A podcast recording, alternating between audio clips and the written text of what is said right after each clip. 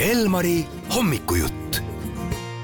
siin isadepäeva hommikul räägib meiega Eesti otsib superstaari saate finalist Ant Nurhan. tere hommikust, Ant, ja head isadepäeva!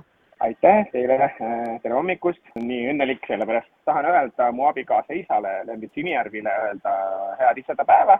ta pole ainult maailma kõige parim isa, aga ta on maailma kõige parim inimene ka. ka sina, Ant, said teist korda isaks, palju õnne! Aitäh teile! ja vot pidupäeval süüakse ju häid toite. mis sulle Eesti toitudest, Ant, kõige rohkem maitseb? tegelikult mulle meeldivad kõik toidud peale siinse kala ja verivorsti kahjuks ma olen harjunud Türgis sööma värskit kala, aga ja see on see suitatud kala, mis kahjuks ei ole mulle, aga tegelikult kõik teised asjad nagu pidupäeval eriti meeldib mul see minu emma tehtud kartulisalat süüa.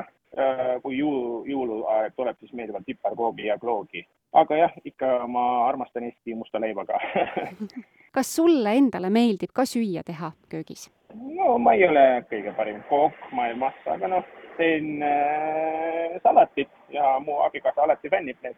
millega sa veel tegeled lisaks muusikale? kui ma võtaks muusika ära, mu elu on tegelikult hästi minimaalne, mulle meeldib veeta aega perega olla, ma olen kaks tütarlaste isa ja vaadata jalgpalli ja kui aega on natukene mängida kihvalt ka, aga mingil põhjusel tegelikult mulle meeldib veel juukseid ka lõigata. ja kui ma riisiperes olen, kus mu abikaasa pärit, siis kõik tema sugulased tuleb minu juurde ja poole, poole riisipere on minu kätt all ja põhimõtteliselt ma, ma lõikan nende juuksed ka, kui aega on. aa, väga huvitav Türgis tähistatakse isadepäeva suvel. no millised traditsioonid või tavad on Türgis isadepäeval, on nad teistsugused?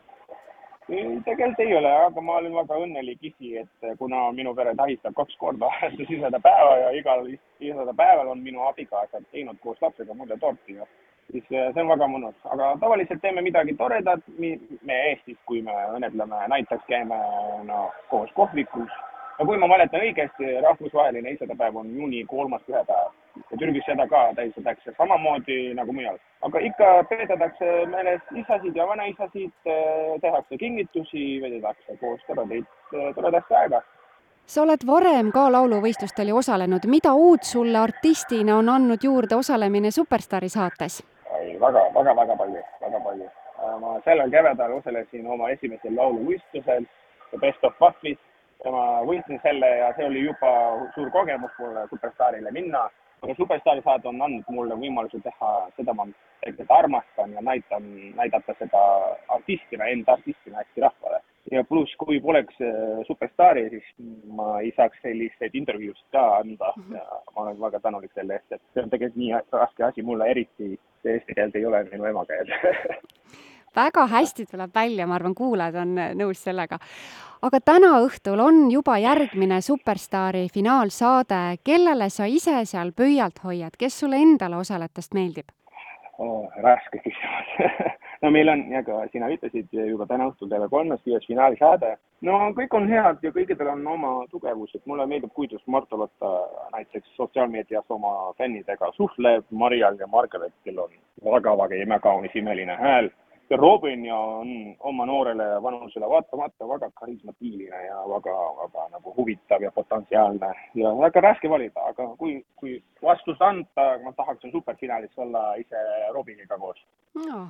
Jaa, me kindlasti soovime sulle siit raadiost, Elmar, ka ju täna õhtuks. Suurt edu sinna. aitäh teile, palun helistage jaa. Äh,, jutu lõpetamiseks, kas sul on mõni eestikeelne laul, mis väga meeldib? Või, või on sul mingi Eesti lemmikartist?